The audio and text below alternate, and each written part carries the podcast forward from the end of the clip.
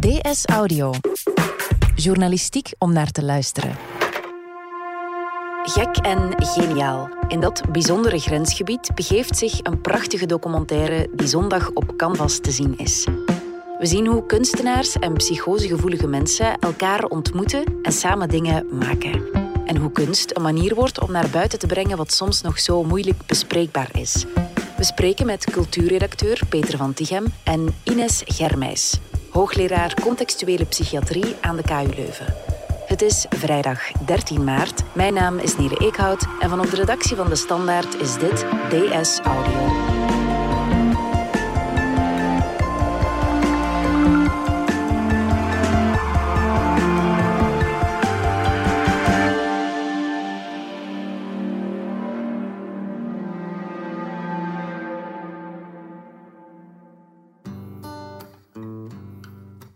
Ines Germijs en Peter van Tichem, welkom. Dank u. Dag.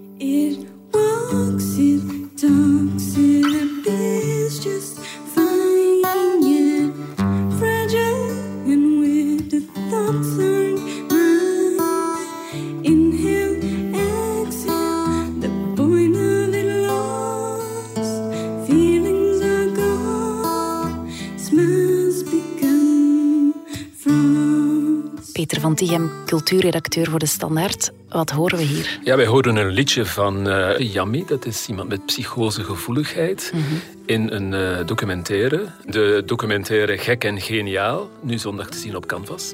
Zij heeft dat liedje gemaakt met Raf Walschaerts, een van de twee leden van uh, Comilfo. The documentaire toont vier mensen die alle lijden aan psychosegevoeligheid en die gekoppeld worden aan fotograaf Lieve Blankaert, Hey, ik ben Lieve. schrijfster Lise Spit, Melise. Hey. schilder Luc Tuymans Hallo. Ik heb hier een doos verf voor u. en dus Raf Walschaerts. Ja, en die laatste, Raf Walschaerts, die ontmoet een jonge vrouw. Haar naam is Yami en zij heeft een schizo-affectieve stoornis. In the plural Schizoaffectieve stoornis. ja, dat is moeilijk voor te stellen, hè? Voor mij. Een psychose is eigenlijk zoals dat je naar de cinema gaat. Allee, het, het concept stemmen horen. Hè. Als je naar de cinema gaat en je zet je dan focussen op die film en er begint zo'n geroezemoes in de zaal. Zo. Je hoort de film niet meer, dat is hetzelfde. Zo zijn stemmen ook. Dus ik hoor u, maar tegelijkertijd hoor ik in mijn hoofd ook andere stemmen op de achtergrond. Ook nu? Ja. Altijd eigenlijk. Stemmen die dingen zeggen. Ja. Die kunnen leuke dingen zeggen, zoals nu. Die zeggen, kom aan, doe je best, doe je best. Zeggen ze nu. Zeggen ze nu, ja. Tegen u. Tegen mij, ja. Wow. Dat klinkt raar, Ja, dat klinkt waarschijnlijk. raar. Ja, Ja, Van merk te zijn, ja, dat klinkt raar. Ja. The plural of alone. Ja.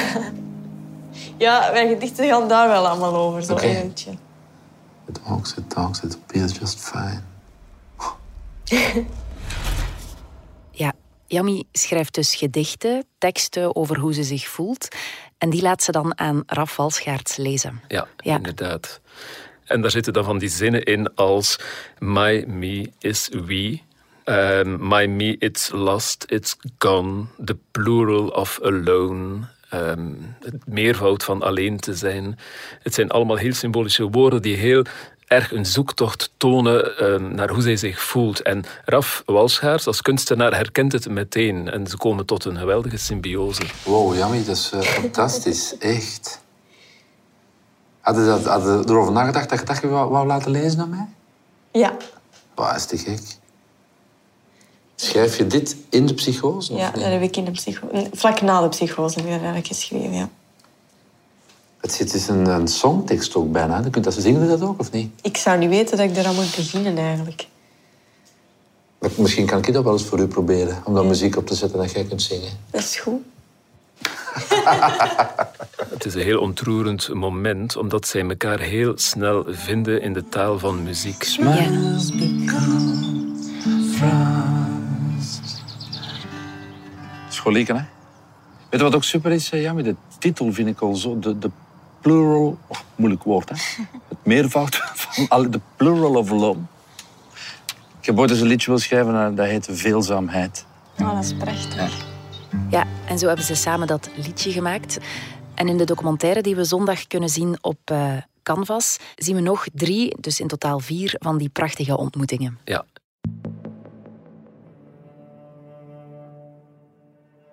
Ines Germijs, jij bent professor psychiatrie en deskundige psychoses. Wat is dat precies, een psychosegevoeligheid? Wel, psychosegevoeligheid, dat betekent dat je gevoelig bent om af en toe psychotische ervaringen te hebben of een psychose mee te maken. En een psychose is eigenlijk een, ja, ik zou zeggen, een mentaal toestandsbeeld waarin je het contact met de realiteit wat verliest. Dat kan zijn dat je bijvoorbeeld stemmen gaat horen in je hoofd. Dat noemen we een hallucinatie van mensen die er niet in het echt zijn. Dat kan ook zijn dat je waanideeën ontwikkelt. Dus dat je ideeën krijgt over dat je bijvoorbeeld achtervolgd wordt of dat boodschappen op de radio speciaal voor jou bestemd zijn. Maar ik denk wat cruciaal is in een psychose, is echt dat verlies met de realiteit en het gevoel dat je allerlei nieuwe inzichten krijgt over hoe de wereld werkt, terwijl dat je eigenlijk het contact met die wereld verliest. Nu, wat belangrijk is bij een psychose, is dat eh, psychose kan je eigenlijk als een continuum beschouwen. Het is een uitvergroting van wat heel veel mensen hebben. En dat is eigenlijk bij alle psychische aandoeningen zo. Psychische aandoeningen zijn uitvergrotingen van wat wij allemaal kennen. En dat is ook voor een psychose zo. Dus ja, ik heb wel het eens, eens het idee gehad dat mijn buurvrouw het niet zo goed met mij voor had. En als dat je zo gaat beïnvloeden dat je vervolgens het huis niet meer uitgaat of dat je dat helemaal goed in de gaten gaat houden, dan kan je zien hoe dat, dat uitvergroot naar een paranoïde waan. Ja. Het is dus wel echt iets des mensen en niet een rare hersenziekte die heel vreemd is en ver van ons afstaat. Nee, het is iets dat velen van ons kennen. Uh, ongeveer 15 tot 20 procent van de mensen heeft wel eens een psychotische ervaring. En het is pas op het moment dat het je zo gaat beïnvloeden dat je er zelf heel angstig van wordt of dat het echt voor jezelf een last wordt. Of op het moment dat je bijvoorbeeld niet meer kan functioneren, dat je niet meer kan studeren of niet meer ehm, je werk kan doen. En dat er dus zorg nodig is, dan beginnen we te spreken over een psychische stoornis. En een psychotische stoornis is bijvoorbeeld schizofrenie, zoals al genoemd was. Of een manisch-depressieve stoornis kan psychotische kenmerken hebben. Of eh, bijvoorbeeld een depressie kan ook eh, psychotische kenmerken hebben. In mijn geval, met mijn gevoel samenhangt, als ik euforisch ben en ik ben psychotisch, is dat heel leuk. Je hebt energie voor tien, je bent niet moe te krijgen. Je, leuke, je ziet leuke dingen, eh, je hoort leuke dingen. En je zit in een magische wereld. Maar dus een psychose is pas een mentale aandoening of stoornis op het moment dat je er heel veel last van krijgt. Ja. Als je vliegt, moet je ooit landen. Hè. Dus eh, ik land niet, ik val. En eh, dan zijn alle kleuren weg en blijft er alleen grijs over. In de documentaire zien we drie mannen en eh, één vrouw, Jamie, die we net hoorden ook. Hoe is de verdeling? Is het iets waar mannen gevoeliger voor zijn dan vrouwen? Over het algemeen zien we dat er inderdaad iets meer mannen dan vrouwen gevoelig zijn voor psychose, psychotische stoornissen ontwikkelen. We zien ook dat mannen typisch jonger uh, een psychose ontwikkelen. Dus bij mannen zien we een gemiddelde leeftijd tussen de leeftijd van 15 en 30. Uh, terwijl we bij vrouwen dat vaak iets later zien. Daar zou je kunnen zeggen tussen 25 en de 40. Dus uh, vrouwen worden typisch uh, iets later psychotisch. Weten we hoe dat komt? Um, daar zijn een aantal theorieën voor. Dat kan een hormonaal effect zijn. We zien ook dat het verloop bij vrouwen vaak iets gunstiger is, omdat vrouwen vaak pas een psychose ontwikkelen op het moment dat ze al een netwerk hebben, een gezin hebben bijvoorbeeld. En dus eigenlijk ook een vangnet om op terug te vallen. Terwijl als je natuurlijk als 15-jarige jongen psychotisch wordt, dan is er een kans dat je de trein mist. Dat op het moment dat iedereen studeert, vrienden maakt, een eerste lief heeft, een eerste baan, ja, als je op die moment de trein mist, dan wordt het soms heel moeilijk om uh, je wagon nog ergens aan te hangen. Ja. De psychose ontwikkelt zich op latere leeftijd, hoor ik jou zeggen. Maar word je met de gevoeligheid geboren? Psychose is iets heel interessants. Het is iets des mensen en het is echt een combinatie van enerzijds een kwetsbaar biologisch systeem. We weten dat daar een genetische component in zit. Een, een kwetsbaar biologisch systeem. Ehm, ik kan het niet beter omschrijven eigenlijk. Ehm, maar in interactie met een omgeving. En er zijn ook heel veel factoren in de omgeving die een belangrijke rol spelen. Bijvoorbeeld eh, trauma meemaken. Het is recent nog uitgebreid in de media geweest dat mensen traumatische dingen meemaken in hun kindertijd. Dat verhoogt het risico op psychose. Gepest worden verhoogt het risico op psychose. Maar ook cannabis gebruiken kan het risico verhogen. Een migratieachtergrond hebben verhoogt het risico. Daar bijvoorbeeld omdat uh, mensen het gevoel hebben dat ze buiten de maatschappij staan, er niet bij horen, een buitenstaander zijn, wat dan ook weer het risico verhoogt. Dus het is echt een complexe interactie Mhm. tussen dingen in de omgeving en een zekere biologische kwetsbaarheid Ja. die maakt dat je op een bepaald moment psychotische symptomen krijgt. Maar het kan dus zijn dat ik met een gevoeligheid word geboren en nooit in mijn leven iets tegenkom, waardoor het nooit getriggerd wordt. Dat kan zeker. Nu, er zijn mensen die heel kwetsbaar zijn en waar dat er eigenlijk heel weinig nodig is in de omgeving. Maar er zijn ook mensen die iets minder, die wel een zekere ge- psychosegevoeligheid hebben. En ik denk dat heel veel mensen in onze samenleving een psychosegevoeligheid hebben. En als de omstandigheden dan maar voldoende tegenzitten, dan komt die tot uiting. Maar dat hoeft niet per se zo te zijn. Ja, als die dan tot uiting komt, kan je dan genezen, volledig? De vraag is dan, kan je genezen van een ervaring? Ja. Nee, je hebt die ervaringen meegemaakt. Herstellen Ja. vind ik een betere eh, term. En wat je ziet is dat mensen die een psychose meemaken, dat we eigenlijk op zoek gaan naar een weg naar herstel. En wat dat betreft is er wel iets veranderd in de psychiatrie, want ik denk dat het vroeger vaak werd gekeken naar mensen bijvoorbeeld met schizofrenie, dat dit is een hopeloze zaak, of eens dat je een stempel hebt, een diagnose, dan is het eigenlijk ja, een, een, een heel slecht verhaal.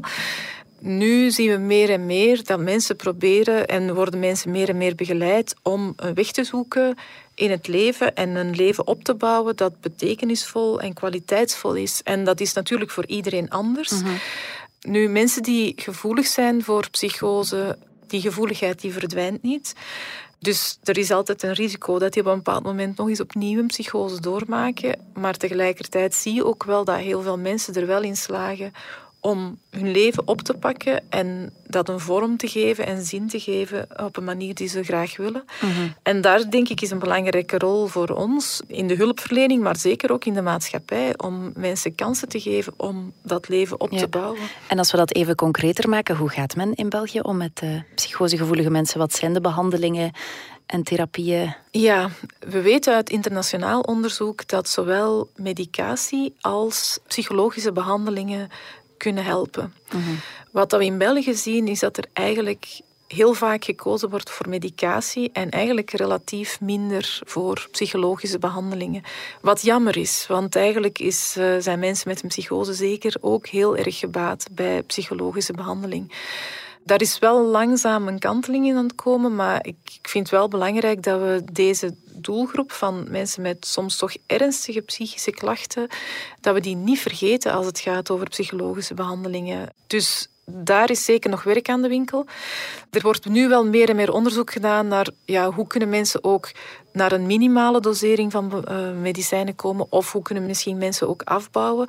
Want antipsychotica werken, maar hebben ook wel bijwerkingen. In de documentaire horen we Yami over een moment waarop ze een zeer zware psychose had. Getuigen hoe daar op dat moment mee werd omgegaan. S'avonds laat ze mij een stuk of vijf man komen halen. En ze zei, we gaan u naar een prikkelarme kamer brengen. En ik wist niet wat dat inhield, dus ik dacht, oh, dat klinkt wel goed. Dus ik ben vrijwillig meegegaan, ook al vond ik het verdacht dat er zoveel mensen waren. En die mij in een auto gestoken en naar een ander gebouw gereden. En we kwamen daaraan en ze stuurde mij een kamer binnen.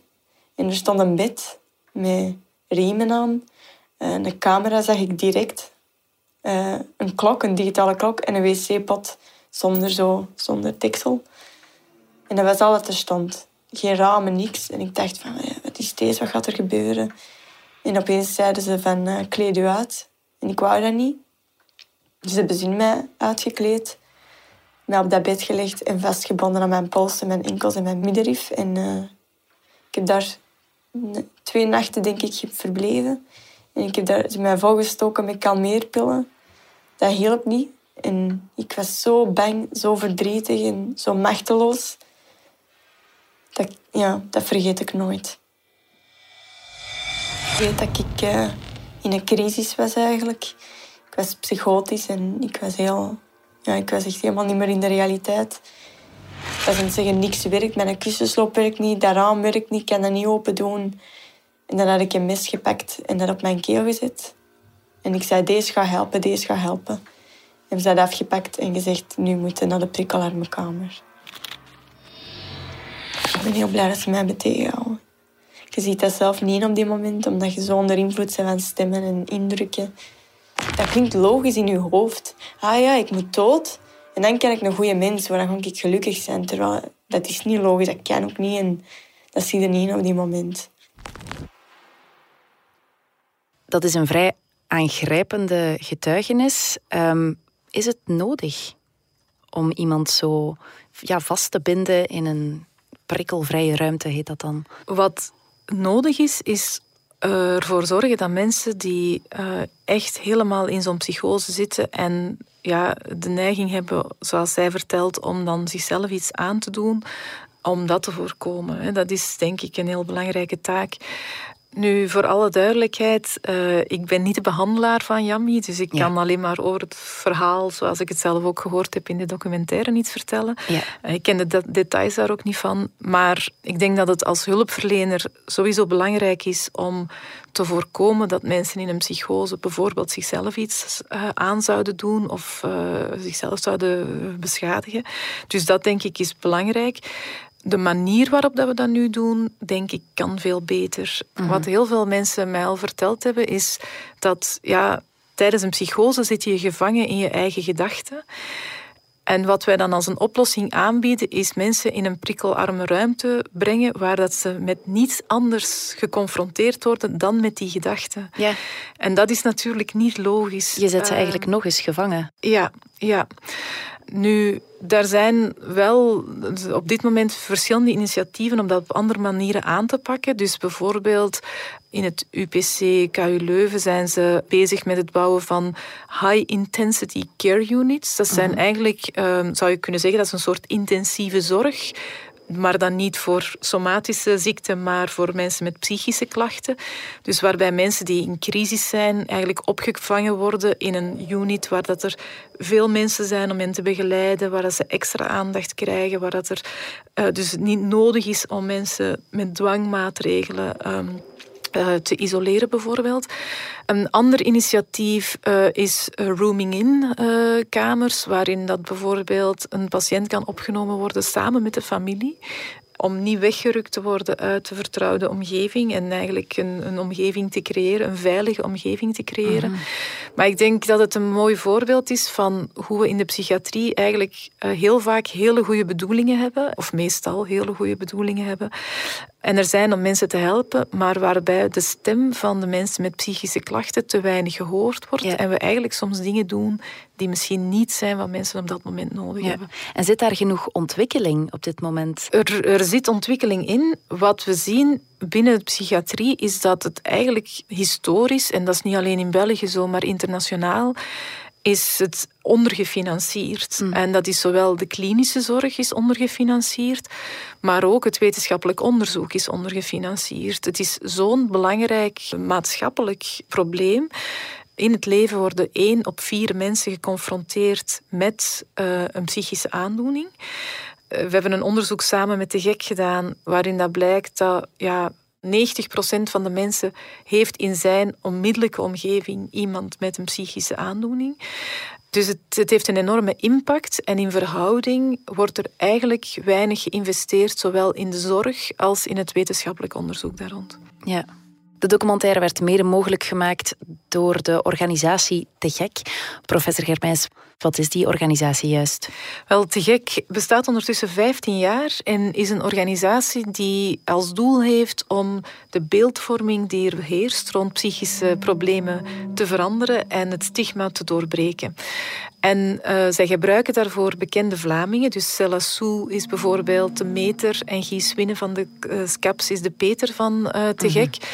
Die enerzijds praten over hun eigen problemen en het zo bespreekbaar maken, maar daarnaast ook via muziek, via theater, via boeken, maar bijvoorbeeld ook via projecten op scholen. Ja, mensen laat praten over hun psychische problemen en ook een ander beeld schetst van wat is dat eigenlijk. Mm, en dat is nog steeds nodig, hè? want hoe groot is het taboe nog? Het taboe is, uh, is zeker aanwezig. Um, er wordt uh, toch nog altijd weinig over gepraat. Nu, ik denk dat wij in Vlaanderen heel blij mogen zijn met een initiatief zoals Te Gek, want door het feit dat zij uh, erin geslaagd zijn om heel veel ja, bekende Vlamingen um, te laten vertellen over hun eigen psychische kwetsbaarheid. Um, dat heeft in ieder geval het uh, taboe wel een beetje doorbroken, of heeft in ieder geval gemaakt dat mensen er opener over durven zijn. Uh, maar er blijft nog altijd een, een, groot stigma. Ja, mensen vinden het moeilijk om het te delen. En ja, er, er, blijven ook nog heel veel verkeerde beelden over. Uh, zo is bijvoorbeeld, wordt heel vaak gedacht, wordt schizofrenie of psychose vaak in verband gebracht met uh, gewelddadigheid. Mensen denken, oh ja, dat, is, uh, dat zijn gewelddadige mensen. Terwijl dat in de realiteit blijkt dat mensen met een psychosegevoeligheid veel vaker slachtoffer zijn van geweld dan dader. Maar er zijn toch nog een aantal hardnekkige ja, beelden die in de samenleving heersen, terwijl die eigenlijk helemaal niet kloppen. -hmm. Welke rol kan kunst spelen om uh, die hardnekkige denkbeelden te veranderen? Ja, ik denk dat kunst een hele mooie uitdrukkingsvorm is om woorden, klanken, beelden te geven aan de innerlijke mens en hoe het daar soms kan woelen en hoe het daar soms ook helemaal kan ontsporen. En het is voor heel veel mensen met een psychosegevoeligheid een hele mooie manier om daar uiting aan te geven. En tegelijkertijd een ontzettend verbindende manier om ja, eigenlijk terug in contact te komen met die maatschappij. Peter van Tichem, jij bent hier ook nog steeds. Dat zien we in de documentaire en in dit project ook gebeuren. Hè? Wel ja, ik heb um, in het begin van dit project een aantal mensen gesproken die daaraan deelnamen.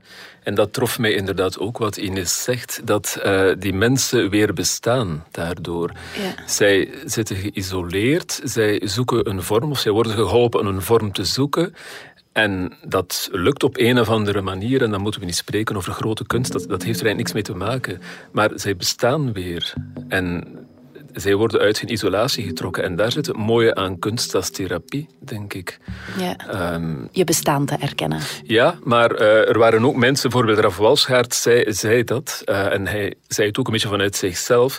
Het is een geweldig gevoel om een vorm te vinden waarin je jezelf echt helemaal goed kan verwoorden. Wat eigenlijk wil zeggen van, als ik mij heel goed kan verwoorden, begrijpen de mensen mij ook zoals ik wil begrepen worden. En dan komen we er weer bij. Psychosegevoeligheid is een beetje des mensen ook wel. Mm. We zijn heel blij als we iets hebben dat mensen zien en zeggen ze, ah, dat ben jij. En daar is een grote nood aan bij uh, psychosegevoelige mensen, denk ik. Bedankt professor Germijs en Peter van Tichem. The plural of alone, my me is we, my me is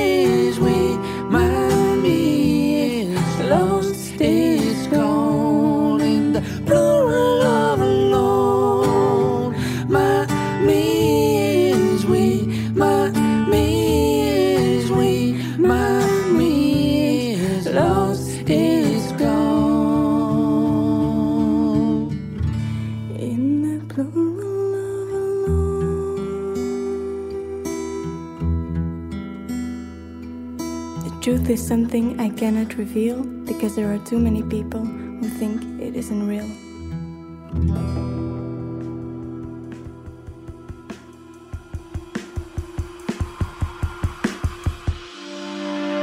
Dit was DS Audio.